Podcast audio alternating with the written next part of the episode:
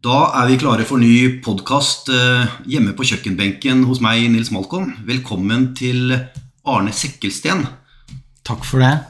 Du er ordførerkandidat Ja, og for Høyre. stemmer. Og nå er det snart valg. Det er vel bare en liten måned.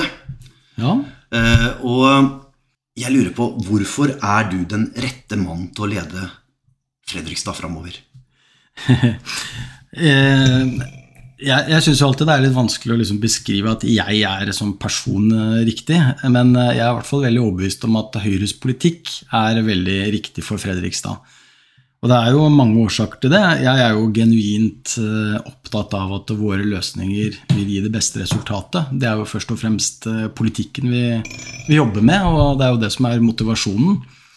Eh, og når det gjelder meg som person, så tenker jeg det får jo nesten andre vurdere hvem som er best egnet, men eh, jeg har nå sagt ja til dette her, og jeg håper i hvert fall jeg kan være sånn noenlunde avbalansert da, og har evnen til å se eh, ikke bare våre løsninger, men også prøve å resonnere litt helhetlig, da. Men det var kanskje et kjedelig svar, men jeg syns det er veldig vanskelig med en gang du går inn på, på meg som person, da. Men jeg føler jo også at det er det er ikke så viktig. Det er politikken som er eh, viktig. Ja. Er, politi er ikke politikken, men er Fredrikstad et bra sted å leve i? Er det en bra by? Ja, det er jo verdens beste by. Det er jo helt fantastisk.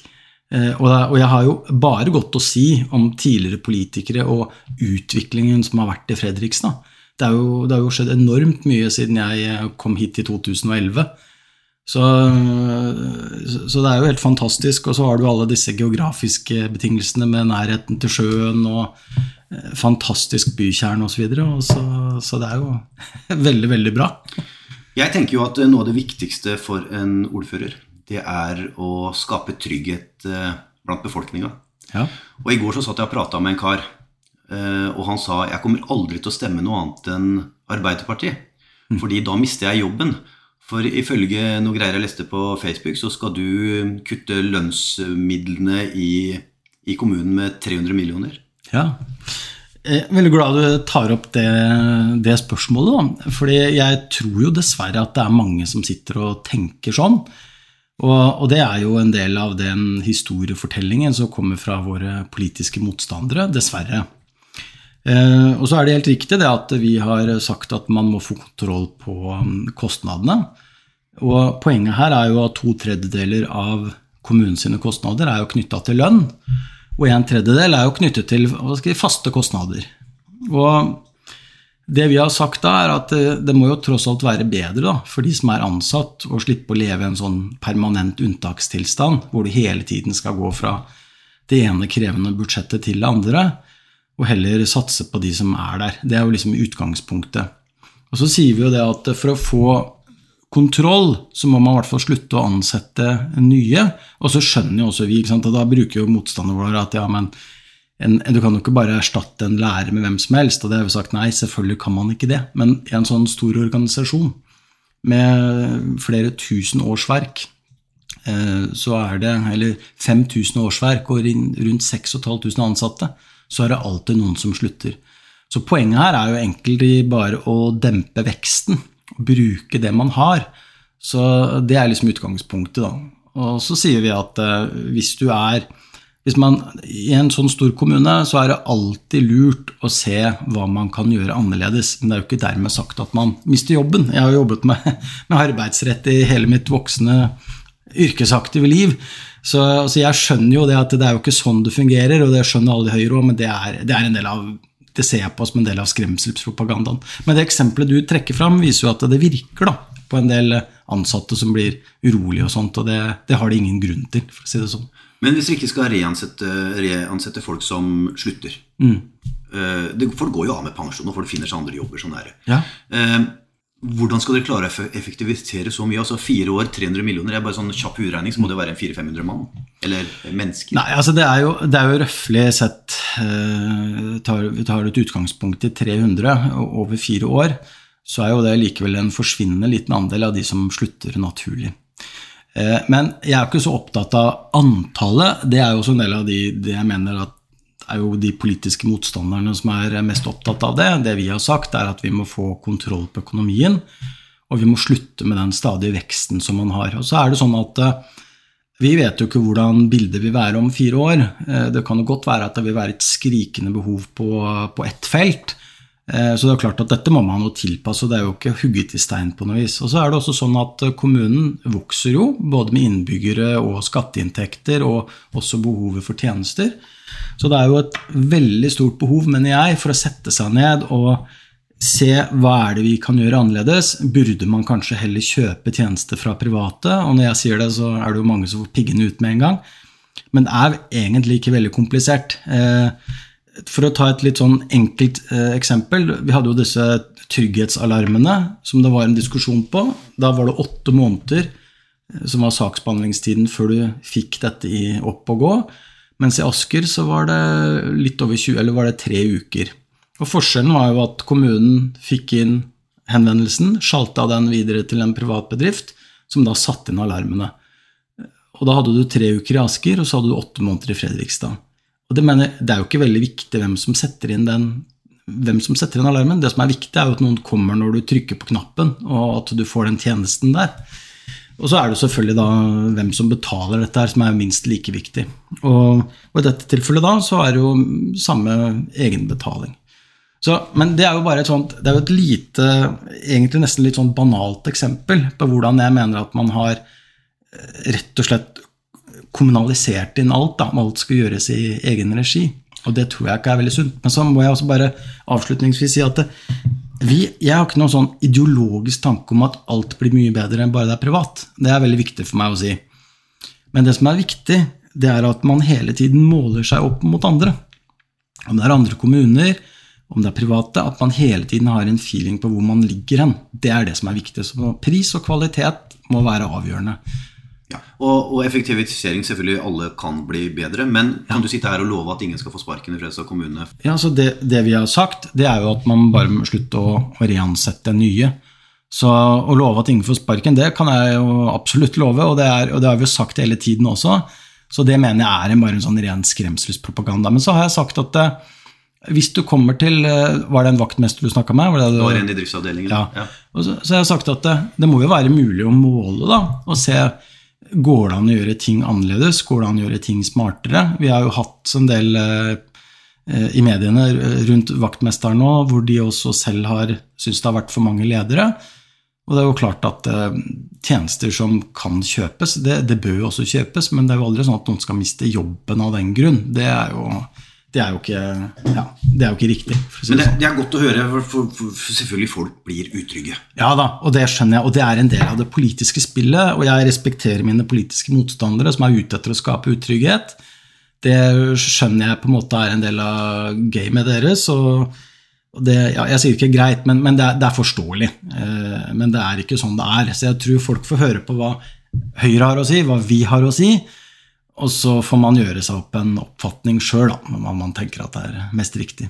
Det vi egentlig skal prate om nå, i denne podkasten, det er jo utgangspunktet skole. Ja. Eh, og jeg er jo gammel skolemann, og du eh, er, er glad i skolen. ja. eh, og dere sier i programmet deres at dere skal pusse opp og bygge skoler i Fredrikstad for minst 1 milliard kroner den kommende fireårsperioden. Ja. Hvor kommer de penga fra? Det er jo litt i den eh, forlengelsen av det vi starta med. Da. Eh, at man må jo eh, få mer ut av hver krone i kommunen. Og vi har jo sagt at hvis man kan begynne med å unngå veksten i kommunen, så vil man også motta forhåpentligvis da, økte skatteinntekter ved at det flytter folk inn.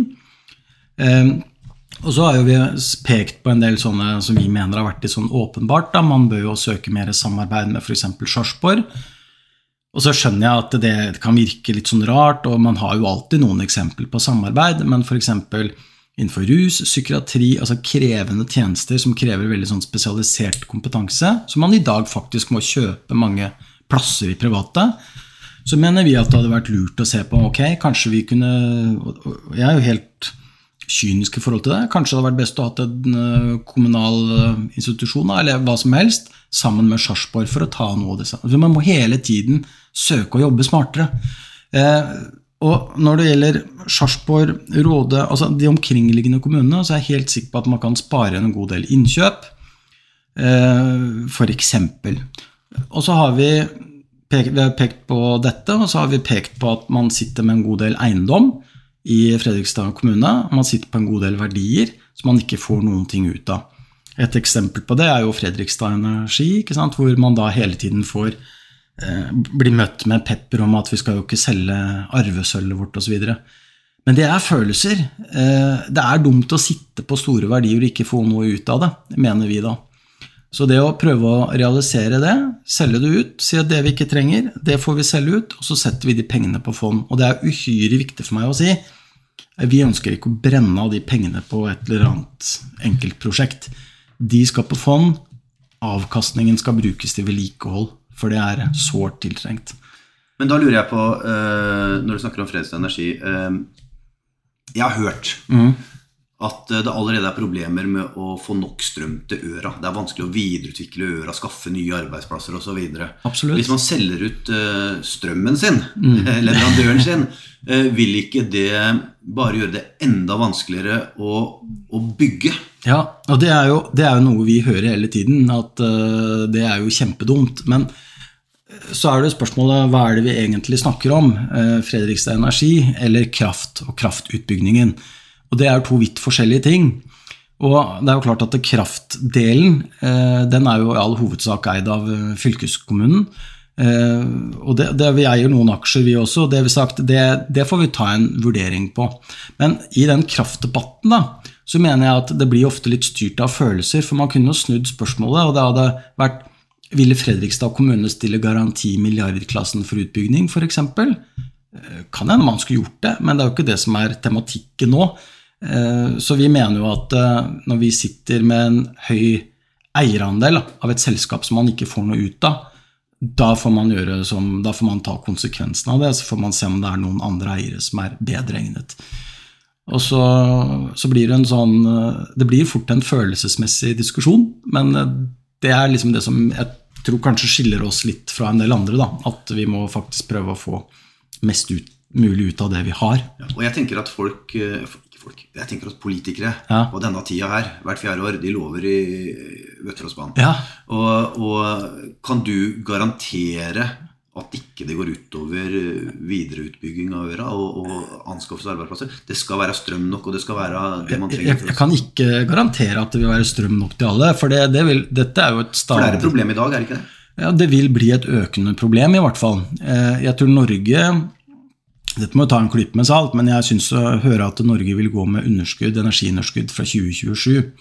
Så det er klart at denne langsiktige utviklingen som har vært med på energisiden, den, der kan vi få et stort problem. Og jeg vet jo da at det her vil bli et problem på Øra, og det vil også bli et problem etter første etappe på Viken park.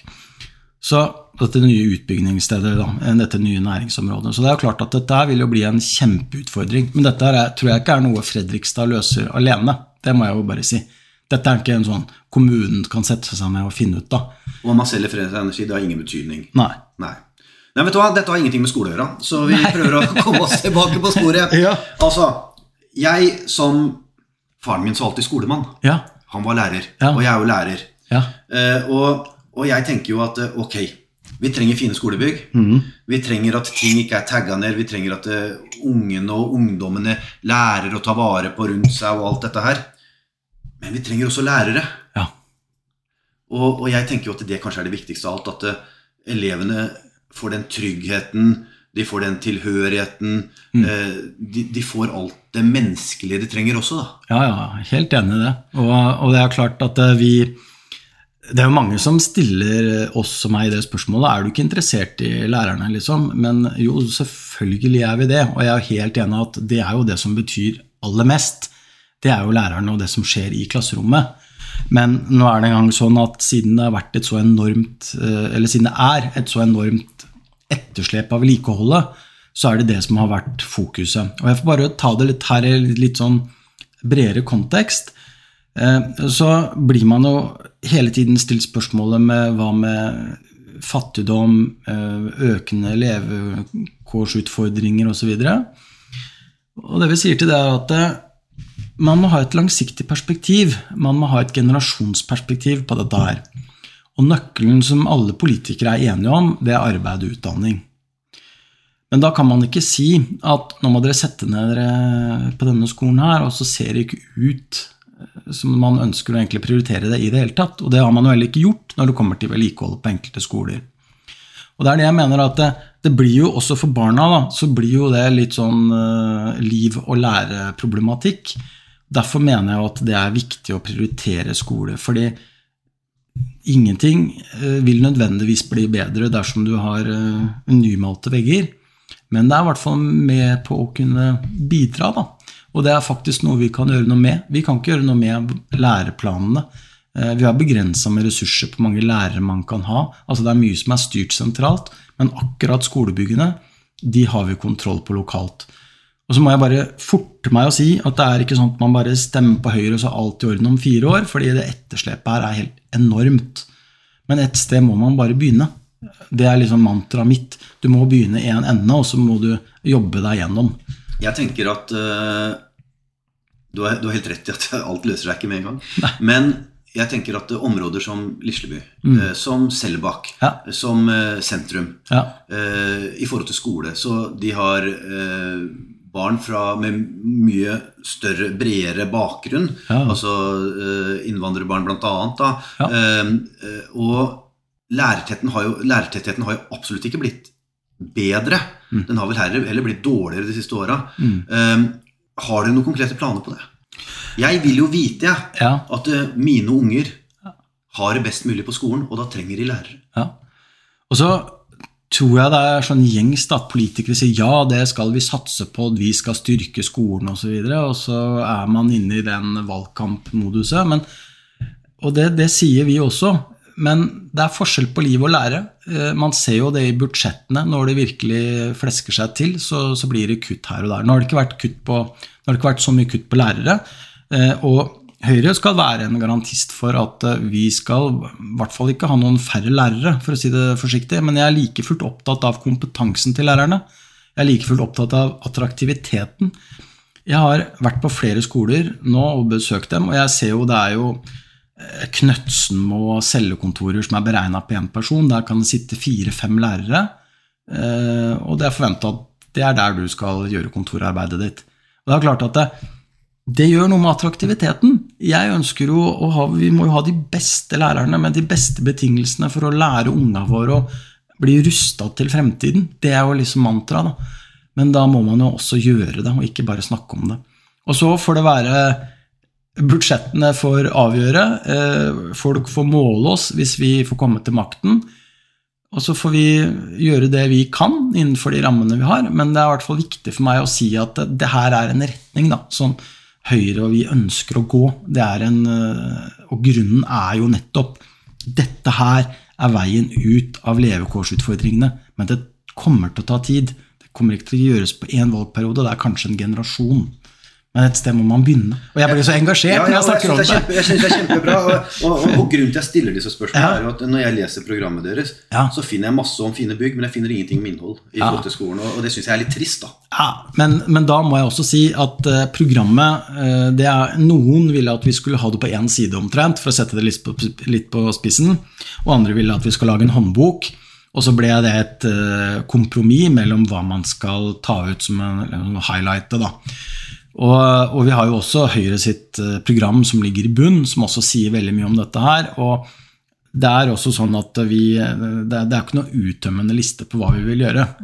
Så, men jeg vil bare si det, og jeg sier det i alle mulige sammenhenger, at vi ønsker å styrke og satse på skolen. Det er vår hovedprioritet, det er vår oppgave. Og jeg mener jo det er sjokkerende å se på det vedlikeholdet rundt omkring. Og folk kan mene akkurat hva de vil, altså politikere kan mene akkurat hva de vil om hvor bra eller dårlig det er, og det er jo veldig subjektivt. Det som er godt nok for noen, trenger å være langt fra godt nok for andre. Men det er i hvert fall å begynne på den, på den det store jobben, da. Det er liksom hovedmantraet. Er du for eller imot eh, friskoler og private skoler? Ja, jeg eh, er jo utgangspunktet for det. Og så skjønner jeg jo raskt at det er veldig mange som får piggene ut og tenker at ja, nå skal Høyre privatisere, og nå skal vi bare ha folk inn på privatskoler. Det er veldig fremmed for meg, eh, den tanken. Jeg har alltid sagt og pekt på at dette må jo være et supplement til en sterk offentlig skole. Og det er det også Høyre sier sentralt. Og vi, dette blir jo liksom tatt ut av sammenhengen, og så ønsker man jo å skape en noen ganger litt sånn kunstig debatt, da, syns jeg. Hvor du ser for deg at eh, alle de rike skal gå på en skole, og så skal alle de fattige gå på en offentlig skole. og det, det skjærer jo i meg også, eh, som, som, pappa til to, å bare helt tatt tenke den tanken. Men at dette kan være et viktig supplement, det mener jeg at det må jo det være rom for. For det er jo ikke alle som finner seg til rette i skolen i dag, og jeg mener det må jo være fullt ut mulig å uh, dyrke uh, spesielle sider hvis det er det man ønsker å gjøre. da. Vi har jo noen friskoler, og kanskje til og med noen private skoler. Vi har Den internasjonale skolen oppe ved Kongsten. Ja. Vi har Hans Nilsen Hauge i Jordgata. Vi har Sonans, som ligger i Storgata. Og så har vi både Vang og Akademiet ja. på verksted. Ja. Jeg vet ikke om det er flere, men iallfall de. Ja. Eh, vil du ha flere?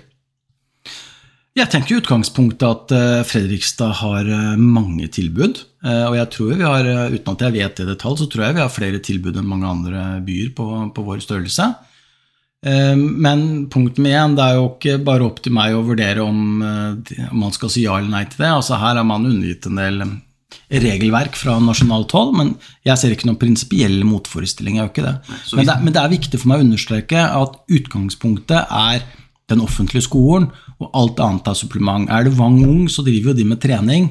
Det er jo for spesielt eh, eller Vang Ung og, og Vang på videregående, for så vidt. Så tenker jeg ja, da må de få lov til å drive med det.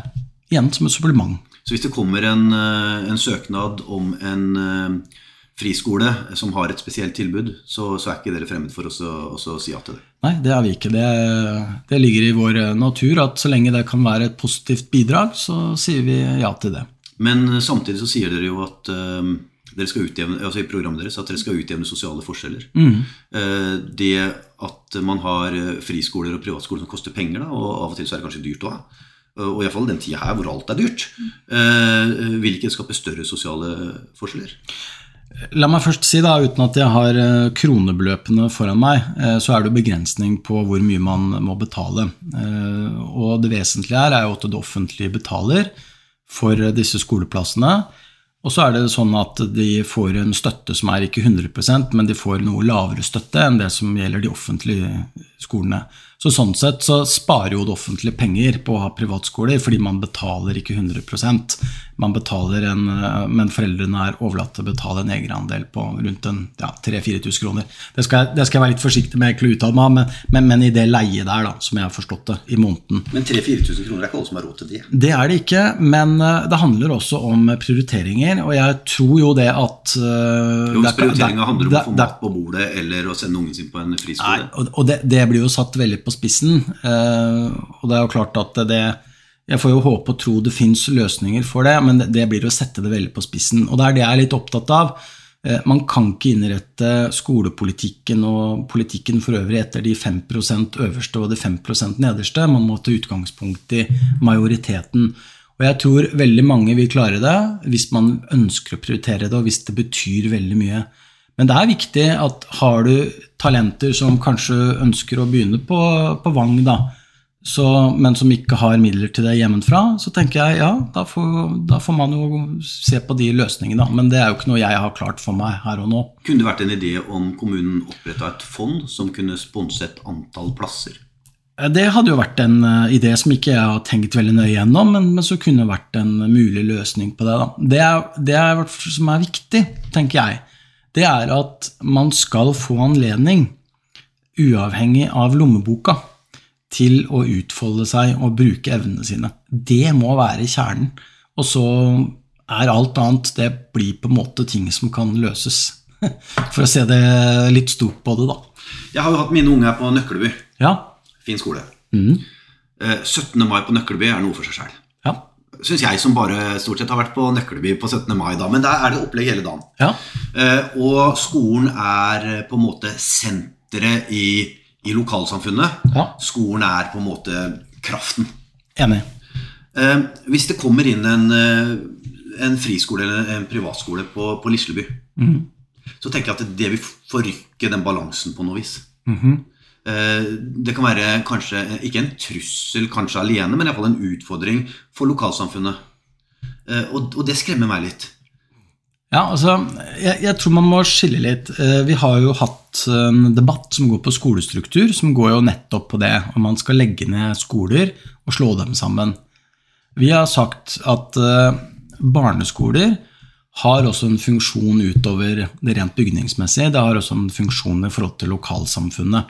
Det er som du sier, det er viktig med tilhørighet, og, og vi har vært veldig opptatt av det. Og så mener jeg at den, det blir mindre viktig jo eldre du blir. Eh, ungdomsskolen, ja, til en viss grad. Videregående, nei, det spiller ikke så rolle, stor rolle. Er du 17 år, så kan du godt ta bussen eh, fra Lisleby og til, til, byen hvis det er det om å gjøre, men det er ikke så lett å gjøre hvis du går i annen klasse. Og de aller, aller fleste friskolene, eh, dem retter seg jo på videregående segmentet. Så jeg, jeg, ser jo ikke det som en sånn eh, veldig Jeg ser jo ikke det som en sånn nærliggende problemstilling, da, for Nei, å si det sånn. Vi er kanskje litt uenige, for jeg, jeg tenker jo sånn at uh, hvis man tas ut av det opprinnelige sosiale miljøet sitt, ja. som, som, jo er sammen med barneskoleklassen, eller hva du vil, vil ja. si da. Eh, og så havner man altså La oss si at, uh, at uh, mitt barn som bor på Lisleby, plutselig skulle begynne å gå på på sist, og som er et stykke unna det. Mm. Dagen blir lengre, og, og, og, hva gjør det for i forhold til da med trygghet, mm. kontinuitet, identitetsutvikling, når man ikke er en del av den opprinnelige flokken sin? Alle de spørsmålene der, det må jo du få avgjøre, Nils. Men har ikke, har ikke kommunen et ansvar her? Det tenker jeg først og fremst er foreldrene sitt ansvar. Og jeg tenker at uh, de spørsmålene du stiller nå, jeg også ville vært litt skeptisk til det og si til barna mine at uh, dere får flytte til den andre siden av byen for å begynne på SIS pga. lokal uh, tilhørighet osv. Men det må jo være en vurdering som hver, hver enkelt gjør, og foreldrene gjør. Og så kan det være mange gode grunner til at man faktisk ønsker seg vekk fra der man er. Men det er helt individuelt, og jeg er veldig glad for og er fornøyd med at det får faktisk være opp til den enkelte å vurdere det. Bra. Lekser. Ja, for eller mot? det vi har sagt, det er at Nå snakker jeg grunnskolen. Ja. ja. Ehm, da, hvis jeg skulle bestemt, så hadde jeg sagt forsiktig for. Men vi har sagt, Høyre har sagt at det må jo være opp til lærerne å vurdere. Og så skjønner jeg at det er så stor forskjell på dem, alle elevene. Noen gjør leksene kjempekjapt og gjør dem på skolen. Andre eh, som når jeg gikk på barneskolen, jobba ikke fullt så raskt og satt med masse lekser hjemme.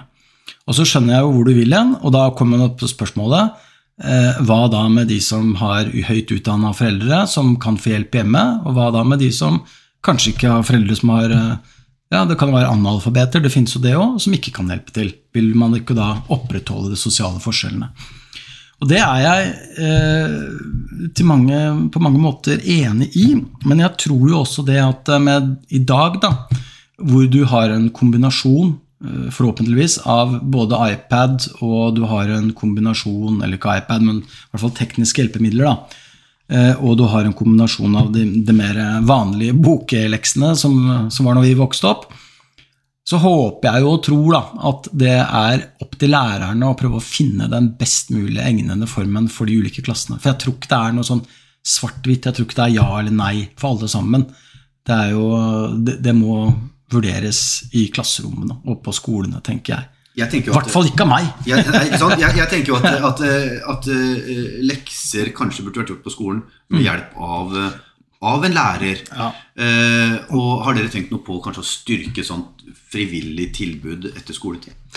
Eh, å ha leksehjelp på SFO det er jo et tema som hele tiden er innom. Og det er jo klart at eh, det er ikke noe generalistsvar på det her, fordi det er så store variasjoner eh, lokalt. Men i utgangspunktet så tenker vi også at det er best at de får gjort leksene før de kommer hjem. Ja. Det, er, det må utgangspunktet. Og de får jo lekser etter de er ferdig med 4. klasse også. Ja da, og så er jo SFO som regel for de yngste, da. ikke sant? Ja, det er det. Så, så, du har jo den eh, jeg, jeg, lever jo midt i denne problematikken med to skolebarn sjøl. Og så er det, og så er, mener jeg det er jo også litt sånn Noen ganger da, så er jo foreldre som jobber mye og er mye borte, eh, men som kanskje er ressurssterke. Det er jo også et spørsmål om de alltid er de beste til å hjelpe til med leksene. da. Så Ja, så handler det om struktur, det, Ja. handler om? Det, det handler om å skape gode vaner. Ja, ja, det har jo, det har jo hele spekteret i seg. Så. Men det jeg tror er liksom konklusjonen her, er at eh, jeg som politiker, jeg er ikke best til å vurdere hvert enkelt tilfelle. Det må man til en viss grad gjøre sjøl. Og så jeg tenker liksom at Foreldrene har jo et ansvar selv også. Og så får man jo Skolene har jo, Du kan ha én klasse ett år og en annen klasse en annet år, som er jo helt ulike. Så må jo de ta noen eh, grep og vurderinger derfra. Og det er jeg opptatt av. Det må være opp til skolene og lærerne å finne ut hva som er mest hensiktsmessig. Vi er helt på avslutningsvis nå med, med, med denne podkasten om skole og, og litt annet som det har blitt. da. Men hvis du skulle få to minutter nå og fortalt det viktigste dere kan gjøre for at vi skal ha den beste skolen, Ja, og, og, og få til det i løpet av fire år, ja. hva ville du sagt da? Du har to minutter. ja, jeg tror ikke jeg trenger så mye engang. Jeg, jeg, Det er bra, da er du bestemt. Ja. Jeg, jeg, vil begynne, Hvis jeg hadde blitt ordfører, så hadde jeg umiddelbart begynt eh, med kartleggingen av de ulike skolene. Og se er det vi, hvor er det egentlig verst, hva kan vi gjøre for å få vedlikeholdet opp og gå. Det vil jo ta tid uansett. Eh, Det er punkt nummer én. Og så er punkt nummer to, det kommer på budsjettene. eh, Og da vil vi i hvert fall skjerme og forhåpentligvis også styrke lærerne og skolen på en best mulig måte. Jeg tenkte ikke, eller to minutter, jeg tenkte 30 sekunder på det. Ja, men, men til gjengjeld altså, så er dette kjernesaken vår. Engasjementet mitt som ordførerkandidat og sånn, det er, det er jo ikke fordi jeg har drømt om å bli ordfører. Det er jo fordi at jeg syns det er ille at det er et så stort etterslep. Eh, og det er det jeg ønsker å gjøre noe med, og det mener jo også Høyre, da. Heldigvis. Lykke til med valget. Tusen hjertelig takk.